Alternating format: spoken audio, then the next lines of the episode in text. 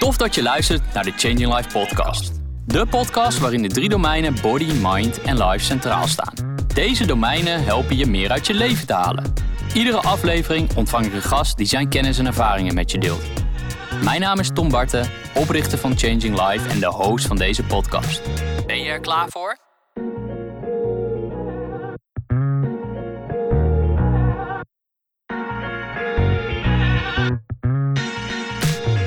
Vandaag gaan we een aantal mythes ontkrachten die maar niet dood lijken te gaan.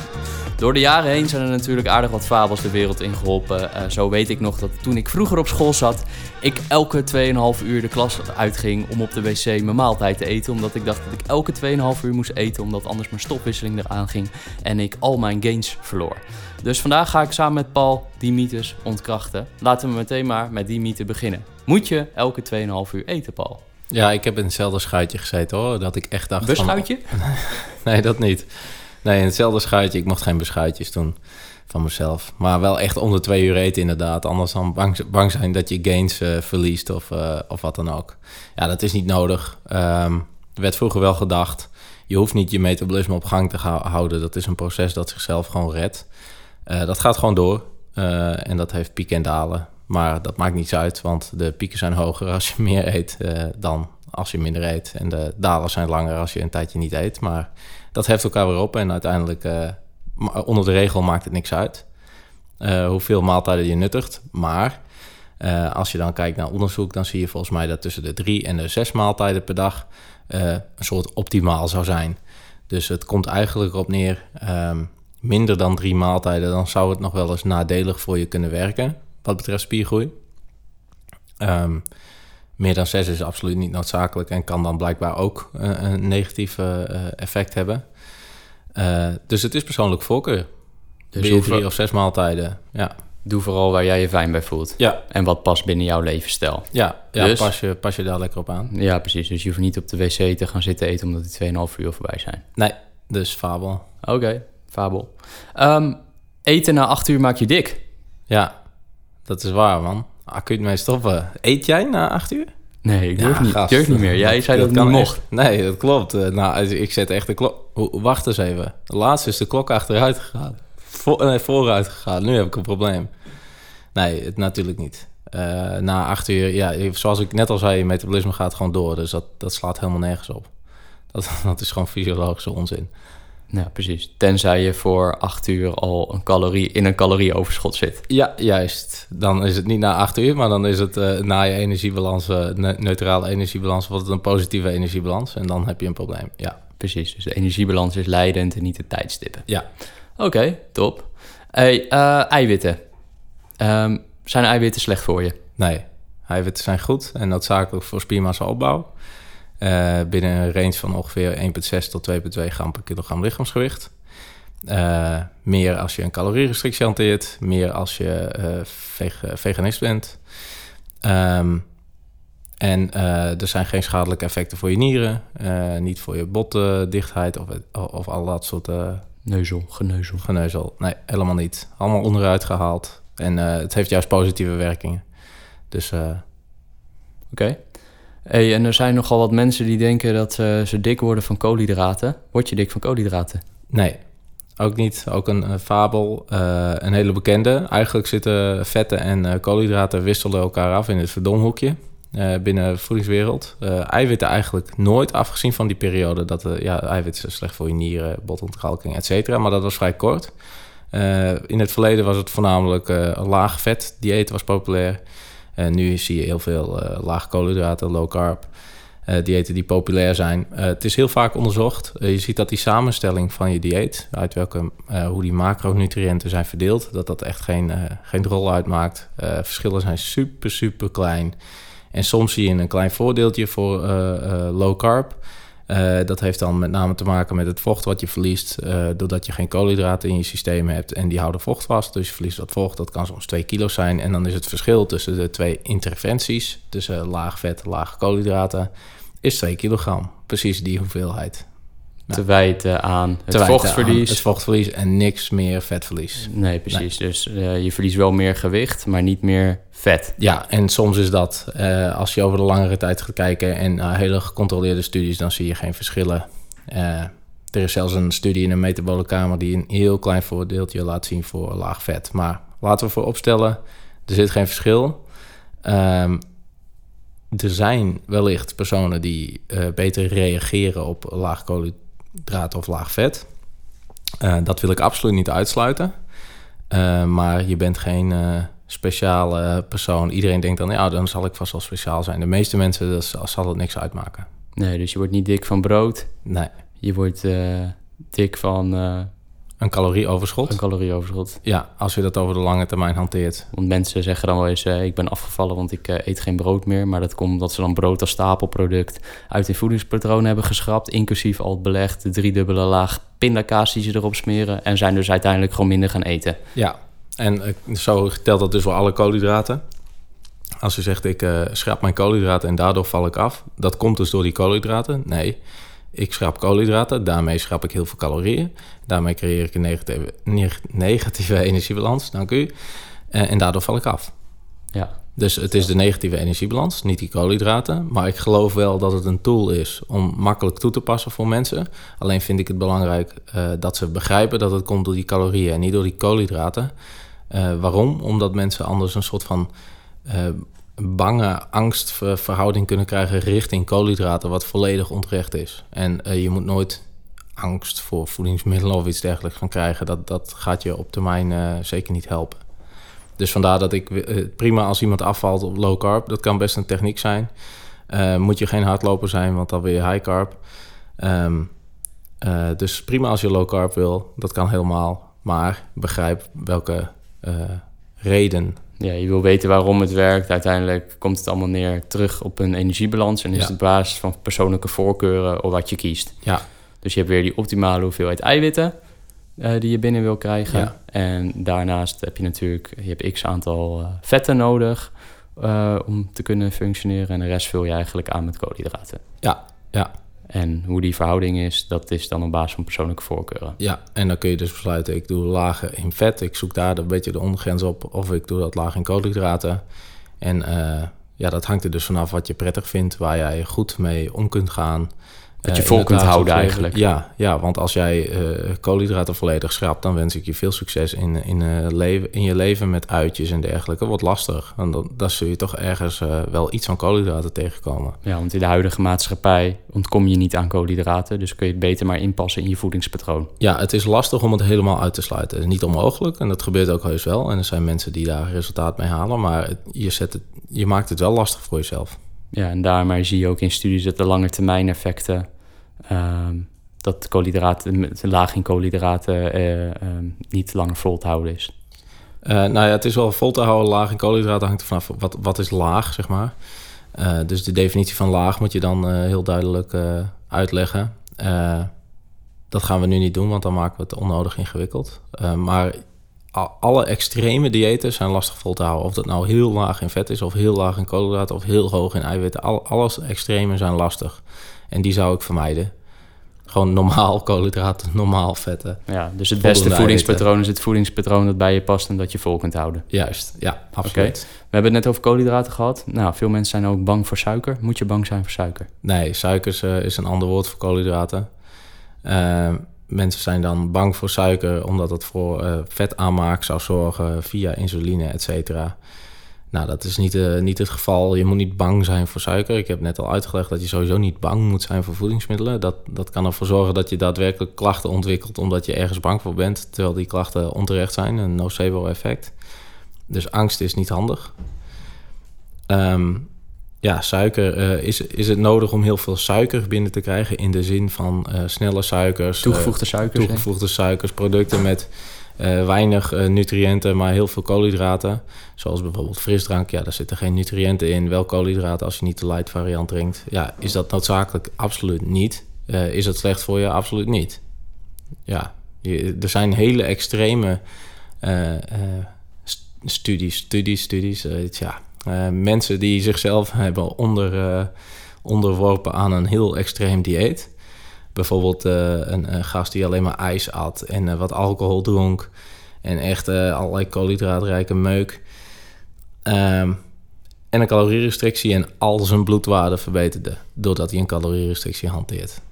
Ja, dus dat kwam niet door de alcohol en het ijs, maar doordat zijn gewicht daalde Ja. en daardoor verbeterde eigenlijk zijn gezondheidsparameters. Ja, op de korte termijn.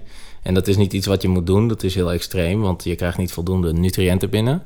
Maar dat geeft ook wel aan, weet je, ja, al, al parameters waar, waar je van kunt zeggen... nou, je bent ongezond, die verbeterde bij die man. Ja, en zo zijn er het nog probleem daarmee is natuurlijk wel dat mensen vervolgens het eh, toeschrijven aan de alcohol en eh, de ijsjes.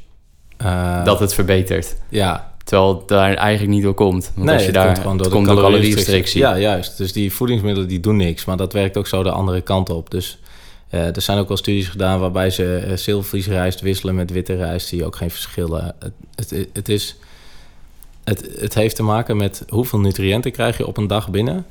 Eh, als dat goed is, dan is het niet erg om, om ook wat suiker, toegevoegde suikers of wat dan ook in je voedingspatroon te hebben. Dat is niet slecht. Is het nodig? Nee, maar het is niet slecht. Moet je het eh, kosten wat kost allemaal vermijden? Nee, natuurlijk niet. Dan zit je heel, heel raar, eh, zit je in hele rare bochten te wringen.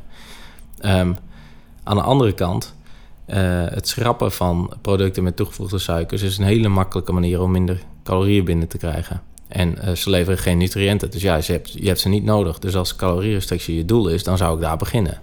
Ja, maar dan moet je het dus ook wijten aan de calorierestrictie Ja. vervolgens. Dat je afvalt. En niet omdat je eh, frisdranken hebt gemijd. Nee, nee. Precies. Oké. Dus Hey. suiker is niet inherent slecht voor je. En suikervrij leven bestaat dus niet. Nou, dat dan, ja, suikervrij, de toegevoegde suikervrij leven bestaat. Volledig koolhydraatvrij leven, dan doe je een, een keto-dieet. Dat, dat bestaat Ja, ook. zelfs dan eh, krijg je nog wel Dan krijg je nog wel koolhydraten binnen, ja. Groente zit ook koolhydraten in. Ja, ja. En fruit. En groenten zitten ook gewoon suikers in. Er zitten Ja. koolhydraten, er zitten vezels in. Er vallen ook onder de groep koolhydraten. Er zitten su- suikers in. Ehm, Ja, want uiteindelijk herkent je lichaam het nu natuurlijk gewoon als glucose. ja, ja, welke vorm absoluut. van koolhydraten je ook binnenkrijgt. Ja, ja zeker.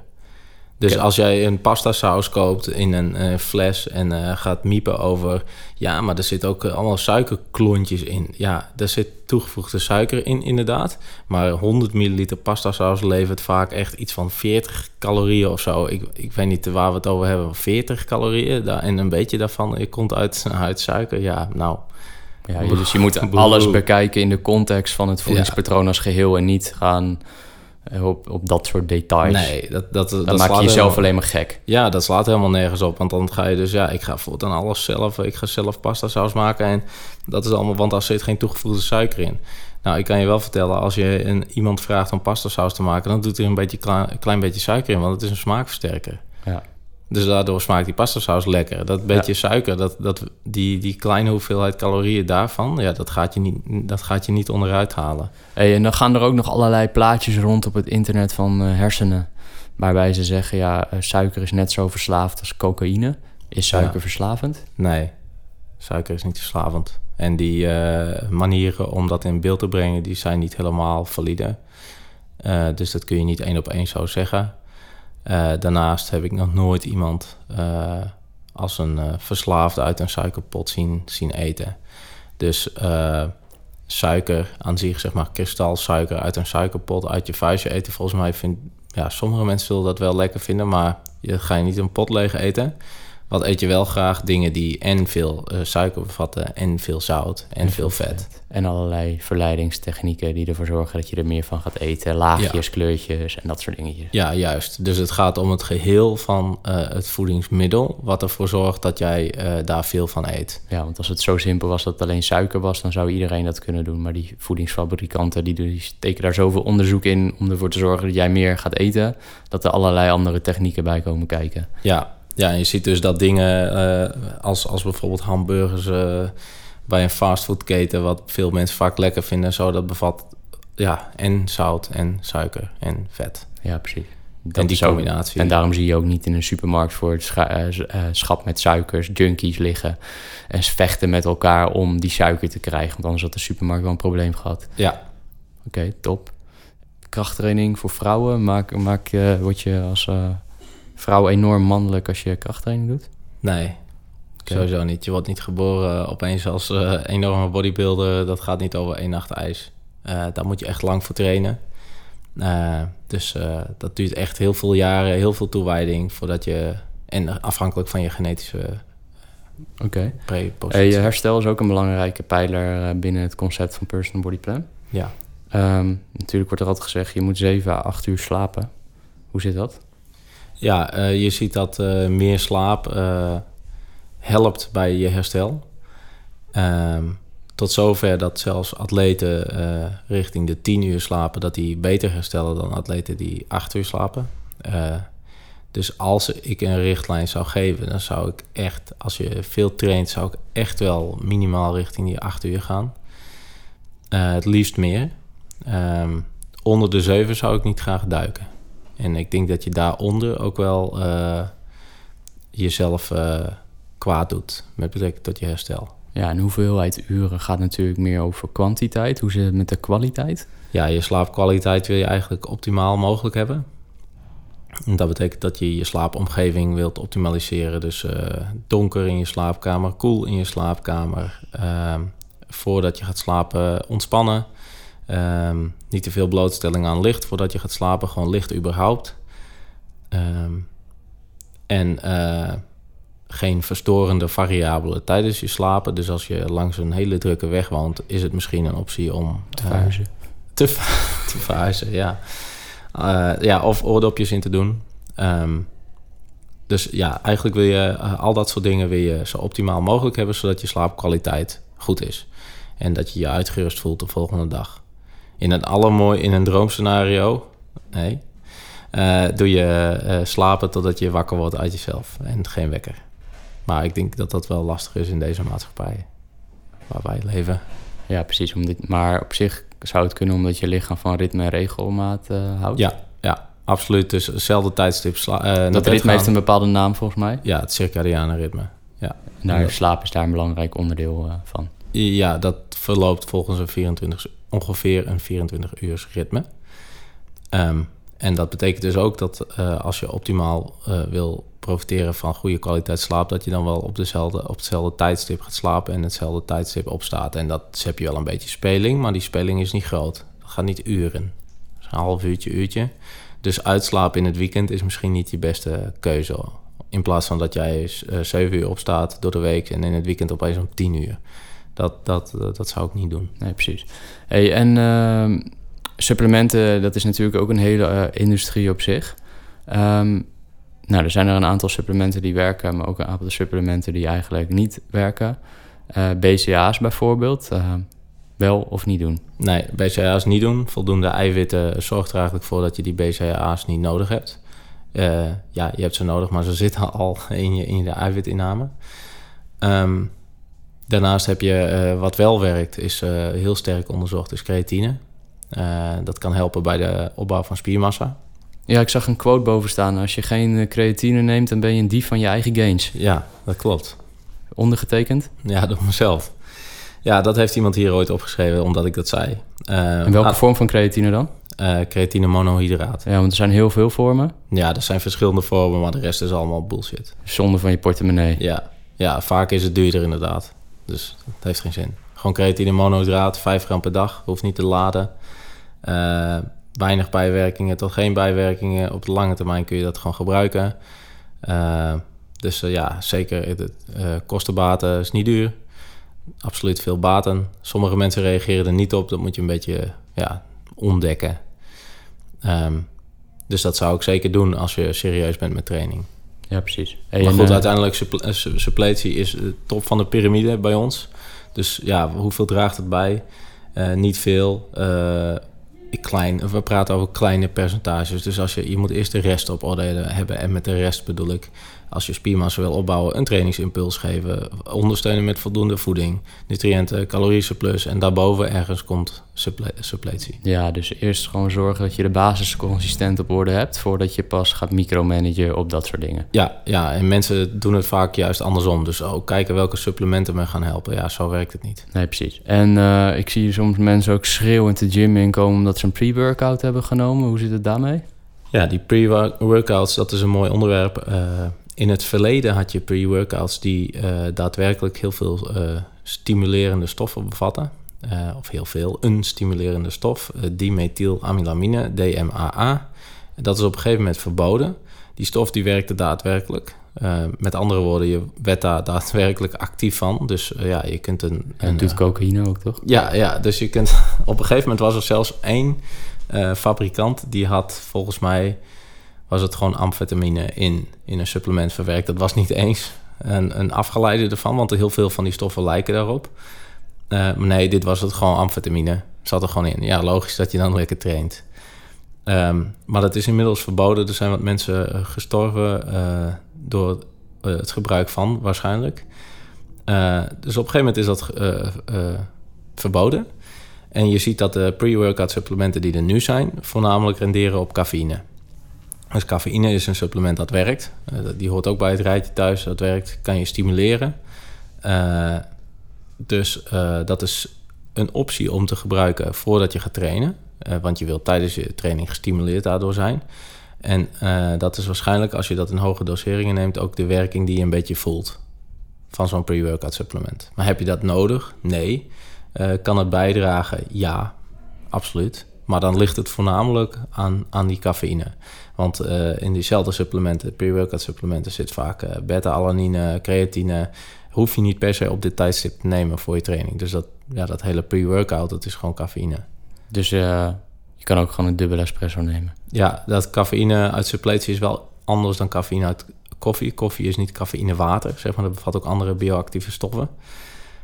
Um, maar je kunt om cafeïne binnen te krijgen ook koffie drinken, ja. En uh, zitten hier wel periodes in dat je ook mee moet stoppen? Want ik kan me voorstellen dat je lichaam hier aan went. Ja, klopt helemaal. Dus je hebt op een gegeven moment wel wat meer nodig um, om, om diezelfde stimulans te krijgen. Uh, daarbij vind ik het ook belangrijk om te zeggen dat uh, cafeïne een halfwaardetijd heeft van best wel wat uren. Ik weet even niet meer precies. En een lange tijd duurt het voordat cafeïne je lichaam, uh, uit je lichaam verdwenen is. Zeg maar volledig gemetaboliseerd. Uh, dus dat betekent dat je nog steeds stimulans kan ervaren van die cafeïne terwijl je bijvoorbeeld wil gaan slapen. Als jij om 8 uur s'avonds gaat trainen, je neemt om 7 uur s'avonds een pre-workout met flink wat cafeïne, dan kan het zijn dat je slaap daardoor verpest wordt. Uh, en dat kan zich uit in je slaapkwaliteit. Dus dan, je kunt wel denken, ja, maar ik slaap goed. Ja, maar je weet niet zeker of je kwaliteit daardoor beïnvloed is. Mm -hmm. Dus uh, ik zou eigenlijk in, laat in, in de avond niet meer een pre-workout nemen met heel veel cafeïne. Oké. Okay. Maar dat is ook wel een beetje mijn eigen keuze. Oké. Okay. Oké, en dan even een totaal ander onderwerp. Buikspierkwartiertje. Krijg je daar zichtbare buikspieren van? Uh, nee. Wat zorgt wel voor zichtbare buikspieren? Een lager vetpercentage. Iedereen heeft buikspieren. En om ze, om, je, om ze te laten zien, uh, moet je de laag vet die over die buikspieren heen zit, moet je uh, verwijderen. Uh, het vetpercentage verlagen. En ja. daarmee, en daarmee worden ze zichtbaar. Ja. Je kunt je buikspieren wel trainen. Je kunt ze ook groter maken, zeg maar spiergroei in je buikspieren, dat kan. Um, dan moet je buikspieroefeningen doen. Maar een buikspierkwartier, een kwartier met je buikspieren bezig zijn, dat is wel vrij heftig. Ben je dan drie kwartier bezig met, uh, met je borst of zo. Of uh, ik weet niet hoe ik dat moet ja, Het is gewoon een manier voor sportschool mensen naar hun sportschool te trekken. En ja. dan, uh, mensen met rugpijn rug en nekpijn weer naar huis sturen. Ja. Of naar de fysio. Ja. ja, of crunches gevaarlijk zijn, dat is best wel een onderwerp ter discussie. Want die worden natuurlijk daar vaak gedaan, crunches. Ja, ik weet niet. Er zijn ook andere manieren om je buik te trainen. Um, je buikspieren worden sowieso uh, getraind. Die, die rompspieren worden sowieso getraind bij bijvoorbeeld squats, deadlifts, et cetera. Dus op, er zijn heel veel mensen die trainen hun buik niet en die hebben hele goede buikspieren. Ja, precies. Maar dat wil niet zeggen dat iedereen. Uh, er zijn ook sommige mensen die hoeven hun kuiten niet te trainen, hebben hele grote kuiten. Dat betekent niet dat niemand zijn kuiten moet trainen. Dus sommige personen zullen wel buikspieren moeten trainen. En Gaan deze dat... twee voorbeelden over jezelf of niet? Die van die kuiten wel. Ja.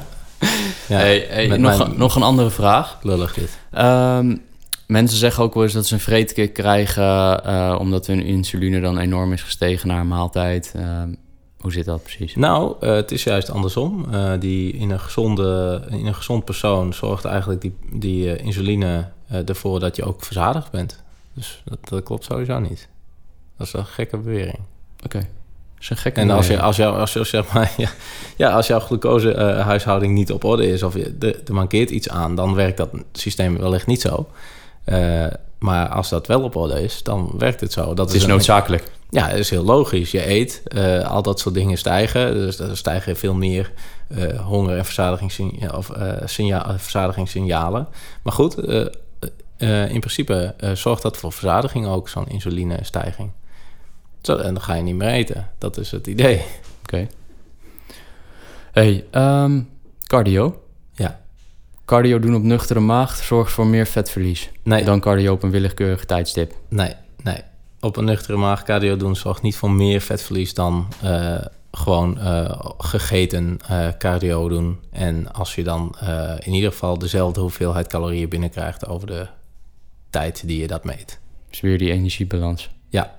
Oké. Het draait om de energiebalans, dus de vetverbranding is tijdelijk verhoogd. Ja, dat klopt in principe wel. Maar de rest van de dag gebruik je dan meer koolhydraten relatief ten opzichte van die vetten. Eh, dus dat effect verdwijnt weer. Je lichaam is veel slimmer dan dat. Ja, precies. Dus het uiteindelijk gaat het weer om netto resultaat. Ja, en je hebt dus geen cardio nodig om af te vallen. Je hebt een negatieve energiebalans nodig om af te vallen. Als je eh, excessieve hoeveelheid cardio gaat doen naast je krachttraining, dan zou dat wel eens voor een, eh, een effect kunnen, een verstorend effect kunnen zorgen voor je krachttraining. Daarnaast brengt het heel veel psychologische vermoeidheid met zich mee. Gewoon cardio doen in een gym. Eh, dus vandaar dat ik dat niet zo, zomaar aan iedereen zou adviseren. Ga maar lekker veel cardio doen. Ik zou zeggen, ga maar veel bewegen. Veel eh, beweeg. Buiten met name. Dat, dat is voor je geestelijke gesteldheid ook gewoon chill. En eh, doe je krachttraining. En als je op een gegeven moment op een punt komt dat je calorierestrictie eh, al een tijdje voortduurt. en je echt een laag vetpercentage wil bereiken, dan kan cardio wel een tool zijn. Ja, Maar nog steeds niet noodzakelijk. Er zijn mensen die eh, bereiken 5% vet zonder één vorm van cardio in de gym te doen. Die bewegen wel veel buiten de gym. ja, het is eigenlijk een joker die je moet zetten op het moment dat het nodig is. Ja. Oké. Of je moet het echt fantastisch leuk vinden en zo. Maar dan moet je wel uitkijken voor dat effect wat het heeft op krachttraining eventueel. Zeker met high intensity cardio. Ja, hey, over krachttraining gesproken. Vroeger, eh, zeg tien jaar geleden. Eh, toen eh, was het nog zo dat je één spiergroep per week trainde. Dus dan eh, deed ik bijvoorbeeld op maandag borst. En dan die maandag daarop weer borst. Vandaar, vandaar ook natuurlijk Monday Chest Day. Ja. Ehm, wat zeggen de huidige zo- onderzoeken daar eigenlijk over? Dat je wel het liefst eigenlijk minimaal twee keer per week je spiergroep moet raken. Dus dan zou je zeggen, maandag doe ik borst en donderdag doe ik bijvoorbeeld weer borst. Ja, precies. Dus die spiergroepen moeten minimaal twee keer per week geprikkeld worden. En het verschilt denk ik ook wel weer per doelgroep, zeg maar. In de zin van eh, beginners en gevorderde, vergevorderde. Eh, ja, je zou kunnen zeggen, iemand die eh, beginnend is, die ehm, zou ik aan de ene kant wat een, een lagere frequentie kunnen geven. Misschien anderhalf, één. Ehm, aan de andere kant kun je zeggen, die geef ik een wat hogere frequentie, zodat hij wat kan oefenen met de oefening. Dus ook wat meer techniektraining. Dan is fre- frequentie wel weer wat hoger. Eh, je kunt zeggen voor gevorderde mensen, je moet wat vaker trainen om vanwege een, een, een, een piek die kort duurt en die wil je regelmatig hebben, die piek. Dus je wilt regelmatig eh, die spiergroep trainen. Eh, aan de andere kant kun je ook wel weer heel veel, eh, als je heel gevorderd bent en hele eh, veel spiermassa hebt, dan kun je ook heel veel schade toebrengen aan die spier. En daar waar je weer langer moet herstellen. Dus zou je kunnen zeggen, ik ga minder vaak trainen. Dus dit kan verschillende kanten op gaan. Ik zou geen definitief antwoord hebben, afgezien van het feit dat je, ja, en dat je gemiddeld bekeken dus wel twee keer per week, idealiter, spiergroep raakt. En ik denk dat sommige spiergroepen beter reageren op een hogere frequentie. En dat het eh, individueel verschilt. Maar je moet eigenlijk, de frequentie is eigenlijk een manier om die trainingsimpulsen over de week te verdelen. En die trainingsimpuls zelf, zeg maar dat volume, dat is wat dat er gaat belangrijker. Dus hoe verdeel je je volume over die week? Dat is zeg maar je frequentie, maar je kunt eh, evenveel volume impuls geven per week in vier keer trainen of in zes keer trainen. En ik denk dat daar niet zo heel veel verschillen tussen zitten, afgezien van het feit dat je op een gegeven moment als je echt veel volume impuls wilt geven, dat je er niet meer met vier keer komt, omdat die trainingen dan zo absurd lang worden en dat het einde van de training zo slecht is, zeg maar qua kwaliteit, dat je wel naar meer dagen moet gaan. Duidelijk. Volgens mij hebben we heel wat mythes uh, ontkracht en uh, fabels die uh, nog leefden, leven nu niet meer. Ja, misschien als er nog fabels zijn die je graag zou willen horen, dat we die bespreken, dan kunnen we dat in een deel 2 doen. Ja, Zoals geloof je nog ergens in en wil je weten of dat, dat echt waar is, stuur alsjeblieft je vraag in en dan gaan wij hem ontkrachten of bevestigen dat het inderdaad wel klopt. Ja. Toch? Ja. Oké, ik wil jullie hartstikke bedanken voor het luisteren. Uh, ik hoop dat jullie weer tof vonden. Eh, ik vond het in ieder geval weer een leuke, leerzame aflevering en hopelijk tot de volgende keer. Doei. Doei. Bedankt voor het luisteren naar de Changing Life podcast. Vond je het waardevol? Abonneer je dan op onze podcast of laat een review achter. Wil je meer kennis ontvangen van Changing Life? Ga dan naar www.changinglife.cl. Changinglife.cl. Ja, .cl, want we doen het graag net een beetje anders. Changinglife.cl.